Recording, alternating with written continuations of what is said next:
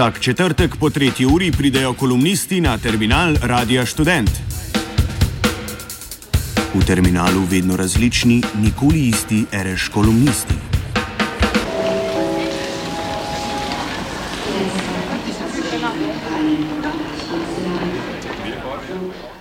Odločitev sodišča v Hagu, da vodjo srpske radikalne stranke Vojslava Šešlja razglasi za nedolžnega, je presenetila tako njegove podpornike, kot tudi nasprotnike. Šešelj torej ni kriv niti po eni od šestih točk obtožnice, ne za združeno zločinsko dejanje in ne za zločine nad muslimani in Hrvati v Vojvodini ter med vojno v Bosni in Hercegovini. Njegovi podporniki so bili prepričani, da pravno gledano Šešelj seveda ni kriv, da pa bo Haško sodišče ICTJ odločalo politično in Šešlja obsodilo. Tisti, ki so bili prepričani, da je bil Šešlj kriv, in tudi v Sloveniji je to seveda velika večina, pa takšnega razpleta niso pričakovali. Celo Šešelj sam je še pred nekaj dnevi trdil, da v hak ne gre, da ga bodo morali nositi in da mu je odmerjena drakonska kazen.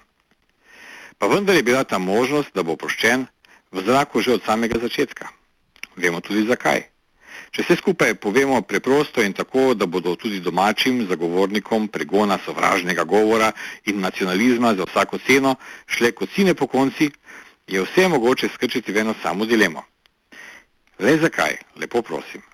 Naj bi bilo prav, da bi bil Vojslav Šešl v Hagu obsojen za nekaj, zaradi česar bo Donald Trump v ZDA skorajda ali pa celo zares izvoljen za predsednika države. Res je, da sta oba povedala marsikaj neprimernega in žaljivega. Tudi to je pač cena za svobodo govora. Pa tudi Trump po vseh neumnostih včasih pove kaj prepričljivega. Naprimer, da je prav Clintonova zaradi svoje neumnosti kriva za smrti 100 tisočev ljudi. Kaznovati ljudi zaradi političnih ali izjav o javnih zadevah, pa čeprav so nekatere takšne, ki šokirajo in znemirijo javnost, pa bi bilo enako v peljavi mišljenskega delikta skozi mala vrata. Nekako tako prisvoja tudi Evropsko sodišče za človekove pravice. Konkretno, več kot absurdno bi namreč bilo, če bi sodišče, ki je razglasilo za nedolžnega hrvaškega generala Antija Gotovino, ki je neposredno vodil vojaške operacije, v katerih je zaradi zločinov vojakov pod njegovim poveljstvom izgubilo življenje na tisoče civilistov, sedaj obsodilo Vojislava Šešlja, ki je govoril le to, kar je Ante Gotovina v nekoliko drugačnih geopolitičnih razmerah delal. Sicer pa je bilo vse boljšim pravnikom že od začetka tega procesa povsem jasno, da Vojslav Šešelj ni kriv in da je proces proti njemu brez prave podlage. To se je pokazalo tudi ob sojenju, ko je Šešelj suvereno razkrinkal lažne priče tožilstva in za hladno logiko brezkompromisno sesuval vse argumente obrambe. Jasno, Šešelj je bil pri tem tudi izjemno žaljiv in predrzen, takšen kot je že bil v nekdanji Jugoslaviji, ker so ga prav tako spravili za zapahe zaradi mišljenskega delikta. Boril se je tudi sam proti vsem, ker je bil v svojem pravnem boju tudi brez kakršne koli pomoči države. Njegovi politični sopotniki so medtem res postali oblast v Srbiji, tudi šele potem, ko so se šešli odrekli, on pa jih je označil za izdajalce in sluge Zahoda. Pri tem je bil Šešl, ki se je pred sodiščem branil sam odkrito sovražno nastrojen do Haškega sodišča od začetka pa do konca procesa. Zmeraj je ponavljal, da, je, da on tega sodišča ne priznava, da gre za lažno sodišče, ki je namenjeno le obsojenju Srbov, da to sodišče samo spreminja svoja pravila in podobno. Pri tem pa ne bi smeli pozabiti, da je Šešl že v Jugoslaviji veljal za najmlajšega doktorja prava in da se je njegova kritika Haškega sodišča v precejšnjem delu pokazala za točno. Haško sodišče je res proti spremenjalo lastna pravila. Združeno zločinsko dejanje, zaradi katerega so bili obsojeni predvsem številni srpski obtoženci, pa v statutu Haškega sodišča sploh ni navedeno. Tako da so tudi Miloševiču, naprimer to obtožbo, pred katero se je znašel tudi Šešelj, pripisali kar naknadno in pri tem poteptali celo vrsto pravnih pravil. Vse to pa je bilo seveda mogoče tudi zato, ker je bilo Haško sodišče ustanovljeno v trenutku, ko je Rusijo vodil Boris Jelcin in je država dobesedno razpadala. Vzpostavljeno je bilo v skladu s sedmim poglavjem ustanovne listine OZN, to je tudi kot nekakšno zastraševalno orodje, ki naj bi pomagalo ustaviti vojno na Balkanu. Če k temu dodamo še financiranje sodišča, ki je prihajalo večinoma z Zahoda, postane zelo hitro jasno, zakaj to sodišče o kršitvah vojnega prava se strani Zveze NATO med intervencijo v ZRJ leta 1999 ni želelo začeti niti s preiskavo, istočasno pa je zaradi združenega zločinskega dejanja in zaradi podobnih dejanj obsodilo na desetine obtožencev. ki so večinoma prihajali iz istih krajev kot Šešelj. Tudi zato je sodišče verjetno po obsodbi Radovana Karažiča verjetno razmišljalo tudi o dolgoročnih ocenah svojih sodb, le da drugače, kot so to pričakovali podporniki obsodbe Vojslava Šešlja. Sodišču se je namreč mandat pravzaprav že iztekel, njegove sodbe pa ne bodo zadnje, se bodo tudi te sodbe doživele svojo zgodovinsko oceno in sodbo drugih pravnikov. V zgodovini pa so že bili primeri obsodb sodišč, katerih odločitve so veljale za sporne. Obsodba Šešlja zaradi njegovih sicer ostrih izjav, kajti za karkoli drugega seveda nikoli ni bilo dokazov, in še to po izjemno dolgem priporu, ki zagotovo predstavlja tudi kršitev pravice do sojenja v razumnem roku, bi bilo za to sodišče verjetno kaplja čez rob. Šešljo bo zmaga sredi volilne kampanje v Srbiji zagotovo koristila, saj bo lahko trdil, da je premagal Haško sodišče. V svoji znani maniri je Šešlj na Twitterju že sporočil hrvaški predsednici Kolinda, pripravi se, kmalo pridem na uradno obisk. To, da popoln volilni preobrat je kljub presenetljivi sodbi iz Haga malo verjeten. Nikakršnega dvoma seveda ni, da bo ta sodba v številnih državah naslednicah nekdanje Jugoslavije sprejeta z ogorčenjem in usuplostjo. Šešelj je namreč med drugim razgašen za nedolžnega tudi zaradi obtožbe o ustvarjanju Velike Srbije in to skupaj z Miloševičem.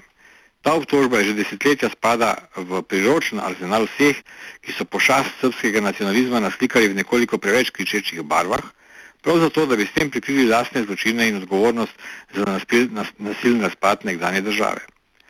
Obtožiti za vse posledice vojne in razpada SFR le enega ali dva politika in politično elito nekje daleč stran je bilo seveda najbolj preprosto. Toda Haško sodišče, isto ki je obsodilo Karačiča zaradi genocida, čemu je večina Slovenije poskala, je sedaj ugotovilo, da Šešelj in Miloševič niste imela prav ničesar z veliko Srbijo. Kar sploh ni tako presenetljiv sklep, seveda pod pogojem, da se ta skovanka, ki v uradnih načrtih Srbije nikoli ni obstajala, nekoliko demistificira. Res je, Šešlj in tudi Miloševič sta si v razpadu Jugoslavije želela zagotoviti pridružitev vseh srpskih držav. Toda pri tem niso bili napačni ti politični cilji, prav tako niti želja po odcepitvi dela ozemelj nekaterih republik. Napačne so bile le metode etničnega čiščenja, ki so bile ob tem uporabljene in zaradi katerih so bili odgovorni, naprimer Karažič, legitimno obsojeni. Toda po drugi strani ni mogoče, da ne bi opazili, da istočasno niso bili obsojeni tudi zajalci etničkega čiščenja na Hrvaškem, ali pa tisti, ki so v okolici Srebrenice pobili ne sicer 8 tisoč, pač pa preko 3 tisoč večinoma Srbov. Prav tako nikoli ni bil obsojen nihče iz držav članic Zveze NATO in prav tako ne njihovi zavezniki iz nekdaj teroristične, na to pa preko noči osvobodilne vojske Kosova. In tako se je zgodilo, da so bili vojaški voditelji Bošnjakov, kot naprimer Nasser Orič, najprej obsojeni na smešne kazni, na to pa razglašeni za nedolžne. Čeprav bi glede na razmere teh zločinov in Karažičevo sodbo lahko pričakovali, da bo vsaj nekaj odgovornih za poboje srpskih civilistov obsojenih na po 15 ali 20 let zapora. Torej gre za selektivno pravičnost, ki je sama po sebi v nasprotju s pojmom pravičnosti. Ugotovitev Haškega sodišča za veliko Srbijo v slovenski mitologiji osamosvitve zelo popularne željivke, ne Šešen, ne Miloševič nista imela prav nič in da tudi takšen politični cilj sam po sebi pravzaprav sploh ni kaznil, bo v naslednjih dnevih seveda hud razlog za jok in stok večine slovenskih komentatorjev, ki se bodo prav pravoverno zgražali nad nepravično sodbo iz Haga.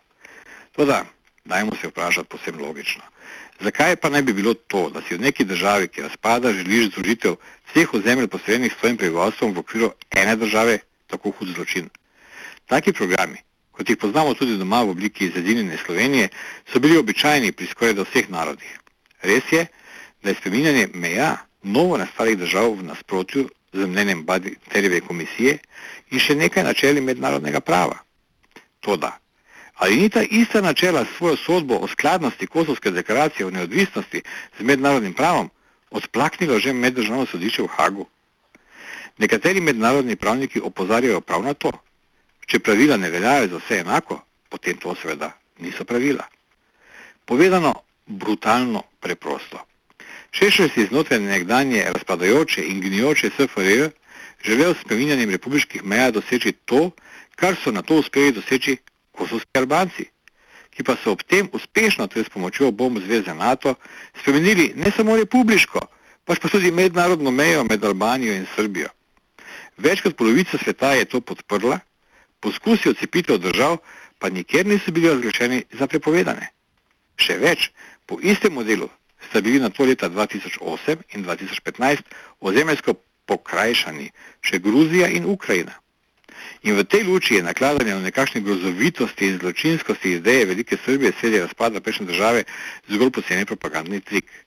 Tudi v tem primeru je namreč Šešelj sredi političnega kaosa govoril in pisal le o tem, kar so na Kosovo in še kje na to zares naredili.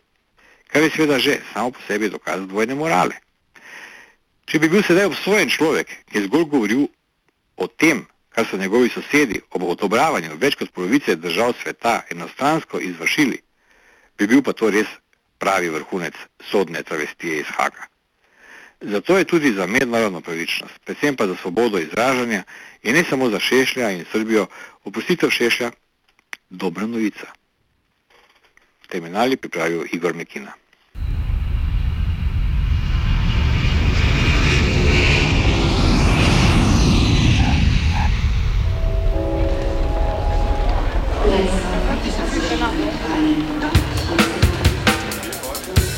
Vsak četrtek po tretji uri pridejo kolumnisti na terminal Radia Student. V terminalu vedno različni, nikoli isti, reš kolumnisti.